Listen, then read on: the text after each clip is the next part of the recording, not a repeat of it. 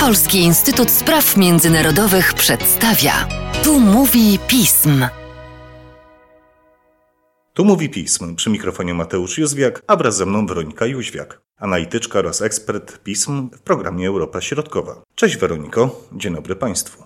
Cześć, witaj. Za nami wybory parlamentarne na Węgrzech. Zwycięzcą po raz kolejny, a to będzie już 12 rok sprawowania władzy, jest koalicja Fideszu i Chrześcijańsko-Demokratycznej Partii Ludowej.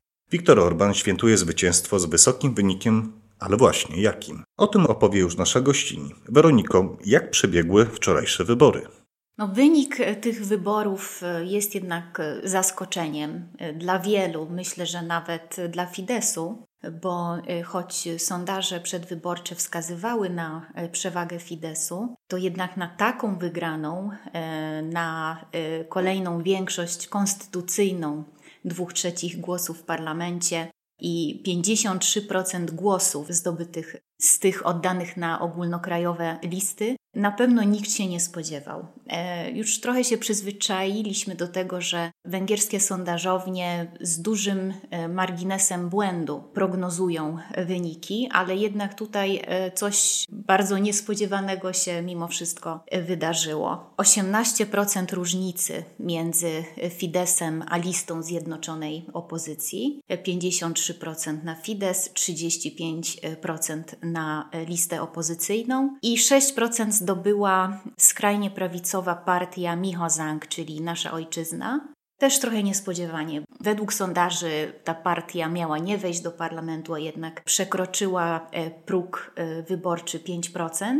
I to się przekłada, to już wynika z, ze specyfiki węgierskiej ordynacji, przekłada się e, na mandaty w dość nieproporcjonalny sposób bo 53% e, dla Fidesu przekłada się na 68% mandatów w parlamencie, czyli Fidesz ma 135 e, mandatów z, ze 199. Co daje im potężną przewagę. Potężną przewagę do tego jeszcze e, dochodzi jeden mandat przedstawiciela mniejszości niemieckiej, który też od lat głosuje zawsze z Fidesem, więc to praktycznie 136. No i ciekawe, że Fidesz po 12 latach rządzenia poprawił swój wynik, czyli ta większość jest jeszcze większa niż jaką miał dotychczas. No właśnie, wydawało się przy pokazaniu pierwszych wyników, że sam Orban był zaskoczony tak wysokim wynikiem. Jak Twoim zdaniem można tłumaczyć takie zwycięstwo Fideszu? No to jest bardzo ciekawe pytanie. Myślę, że po części dla e, można by zadać socjologom i to wymaga dłuższego zastanowienia się i przeprowadzenia e, wielu badań, e, dlaczego tak się to ułożyło, ale ogólnie rzecz biorąc, myślę, że na pewno nie można tłumaczyć tego ordynacją. Wiele było takich analiz. Ja sama zwracałam na to uwagę, że ordynacja jest skonstruowana tak, żeby ona sprzyjała e, Fidesowi, a dokładniej największej sile politycznej. Z drugiej strony, z takim wynikiem Fidesz wygrałby we wszystkich ordynacjach, niezależnie od tego, jak te węgierskie regulacje aktualnie wyglądają. Zdecydowanie Fidesz no, wziął wszystko w tych wyborach. Więc na pierwszym miejscu wymieniłabym y, no, wolę węgierskich wyborców. Po prostu ta polityka Fidesu, która jest już im dobrze znana, po prostu Węgrom odpowiada. I do tego dochodzi oczywiście to, że jednak to społeczeństwo zostało, mm, no można powiedzieć, sformatowane w pewnym e, sensie przez media, przez ogromną przewagę E, przekazu partii rządzącej nie tylko e, w mediach publicznych, ale też e, w mediach prorządowych związanych mniej lub więcej z Fidesem. Ten przekaz jest bardzo konsekwentny, bardzo profesjonalny, w sensie, że operuje bardzo dobrze skonstruowanymi hasłami, które docierają do wyborców nie tylko podczas kampanii, bo kampania oficjalnie trwa od nieco ponad miesiąca, ale tak naprawdę Viktor Orban prowadzi kampanię non-stop. Jego rządzenie, e, styl rządzenia to jest e, nieustająca kampania. Jego żywiołem jest słowo. On ma niesamowite umiejętności retoryczne i też bardzo dobre, dobre wyczucie tego, jakie słowa, co skierować do Węgrów, czym można ich przekonać, czego chcą usłyszeć. On to wie doskonale i to jest potężny instrument w rękach Fidesu. Myślę, że na równi z regulacjami wyborczymi, z, całą ordynacją. To jest tak samo ważne. Dodam jeszcze, że w tym systemie medialnym, w tych warunkach, w zasadzie nieograniczonymi zasobami Fidesu i z taką przewagą właśnie przekazu, y, opozycji było bardzo trudno konkurować. Niezależnie od tego, że opozycja też popełniła wiele błędów w tej kampanii, jednak.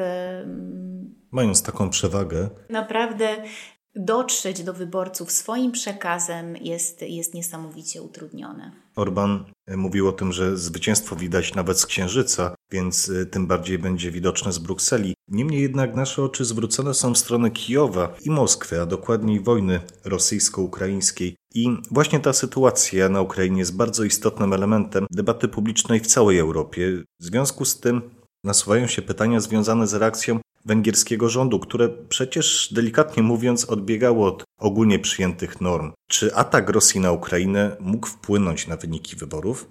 Na pewno wpłynął, bo y, wojna y, zdominowała, temat wojny zdominował całą kampanię i pojawiły się dwie takie główne narracje, y, interpretacje tego, co się dzieje na Ukrainie. Rząd w swoim przekazie, to był bardzo uproszczony przekaz, w swoim przekazie akcentował to, że Fidesz jest gwarantem pokoju, natomiast jeśli opozycja wygra, wygra wybory, to e, będzie chciała zaangażować się w tę wojnę. Więc tutaj jakby ta e, opozycja, e, my jesteśmy po stronie pokoju i bezpieczeństwa, i bezpieczeństwa a tak zwana lewica po stronie wojny. Jestem przekonana o tym, że wpłynęła na ten wynik, ale to był tylko jeden z czynników. Nie wiem, czy nie ważniejsze było rozdawnictwo Fidesu przed wyborami. Myślę, że tak to trzeba nazwać, bo te transfery budżetowe na ogromną skalę mogły mieć nawet y, większe znaczenie. Socjal wiadomo, że zawsze w wyborach jest y, wykorzystywanym instrumentem, ale tutaj w tym przypadku w zasadzie każdy y, Węgier coś dostał od rządu, albo w formie zwrotu podatków, albo e, jakiegoś bonusu do emerytury, e, więc e, być może opozycja nie była w stanie przekonać wyborców o tym, że jeśli wygra wybory, to te wszystkie dodatki będą do utrzymania, że tani gaz, tania energia będzie do utrzymania. Więc myślę, że trzeba to traktować jako taki czynnik na równi z tą sytuacją wojenną i, i związanym z tym przekazem rządu. Pozostaje więc ostatnie pytanie. Czy Twoim zdaniem możemy spodziewać się jakiejkolwiek korekty stanowiska węgierskiego wobec y, Rosji i Ukrainy? Wydaje się, że nie. Mi też się wydaje, że nie. Y, na pewno nie, nie teraz. Y, nie spodziewam się korekty zupełnie.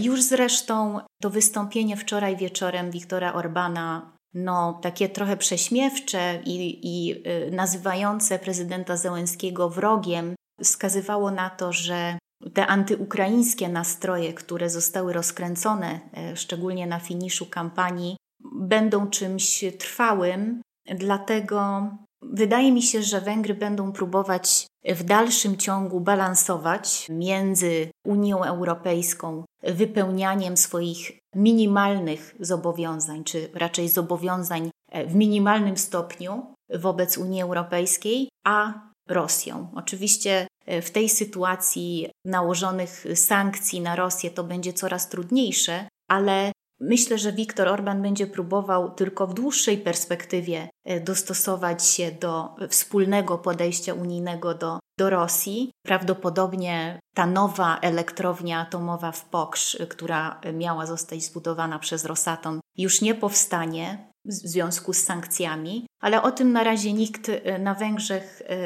e, nie mówi. Myślę, że Węgry na pewno na razie nie będą chciały w większym stopniu się angażować w pomoc polityczną czy finansową Ukrainie. a y, też w związku z tym nie spodziewam się zwrotu w stosunkach z Rosją. Szanowni Państwo, jedno jest pewne. Fidesz będzie rządzić dalej, a o tym, jak kształtować się będzie polityka węgierska w zakresie własnego społeczeństwa, spraw międzynarodowych, relacji z Unią Europejską i zresztą całym światem, przyjdzie nam jeszcze porozmawiać. A tymczasem dziękuję Ci za dzisiejszy podcast. Dziękuję bardzo. Państwa zaś zachęcam do śledzenia naszej strony internetowej, czytania najnowszych biuletynów i komentarzy, śledzenia mediów społecznościowych, w tym naszego kanału na YouTubie. Z mojej strony to wszystko. Dziękuję Państwu za uwagę i do usłyszenia.